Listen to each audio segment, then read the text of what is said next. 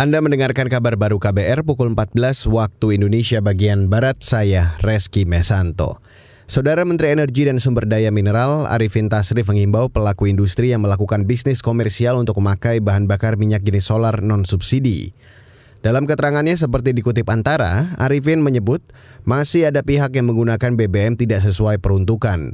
Ini mengakibatkan masyarakat tidak mendapat BBM subsidi. Selama sepekan terakhir, kata Arifin, Kementerian SDM melakukan inspeksi ke sejumlah daerah untuk memantau kondisi pelayanan dan penyaluran BBM di masyarakat. Dia menjamin stok BBM di SPBU aman dan mencukupi selama Ramadan. Beralih ke berita selanjutnya, Saudara. Persatuan Guru Republik Indonesia atau PGRI menyatakan rencana revisi Undang-Undang Nomor 20 Tahun 2003 tentang Sistem Pendidikan Nasional atau Sisdiknas mengancam kemuliaan profesi guru.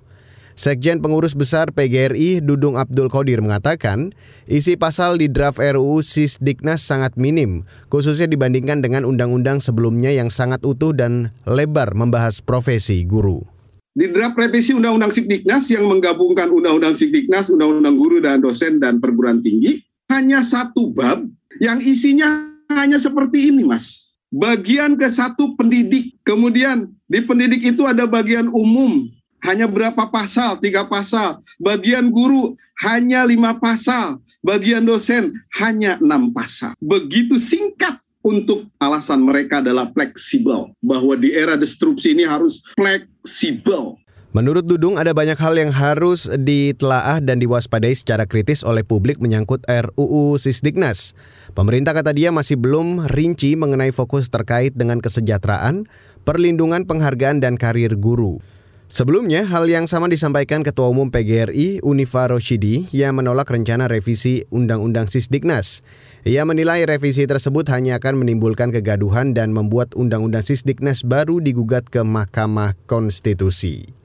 Saudara, ratusan mahasiswa di Jombang, Jawa Timur melakukan aksi demo di depan gedung DPRD setempat. Dalam aksinya, mahasiswa menyuarakan penolakan terhadap wacana penundaan pemilu 2024.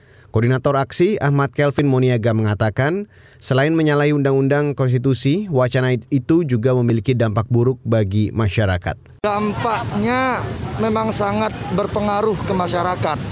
Ya, itu dampaknya kita tidak mau lagi yang ada namanya krisis moneter di tahun 98 yang di mana itu waktu zamannya Soeharto 32 tahun untuk menjabat.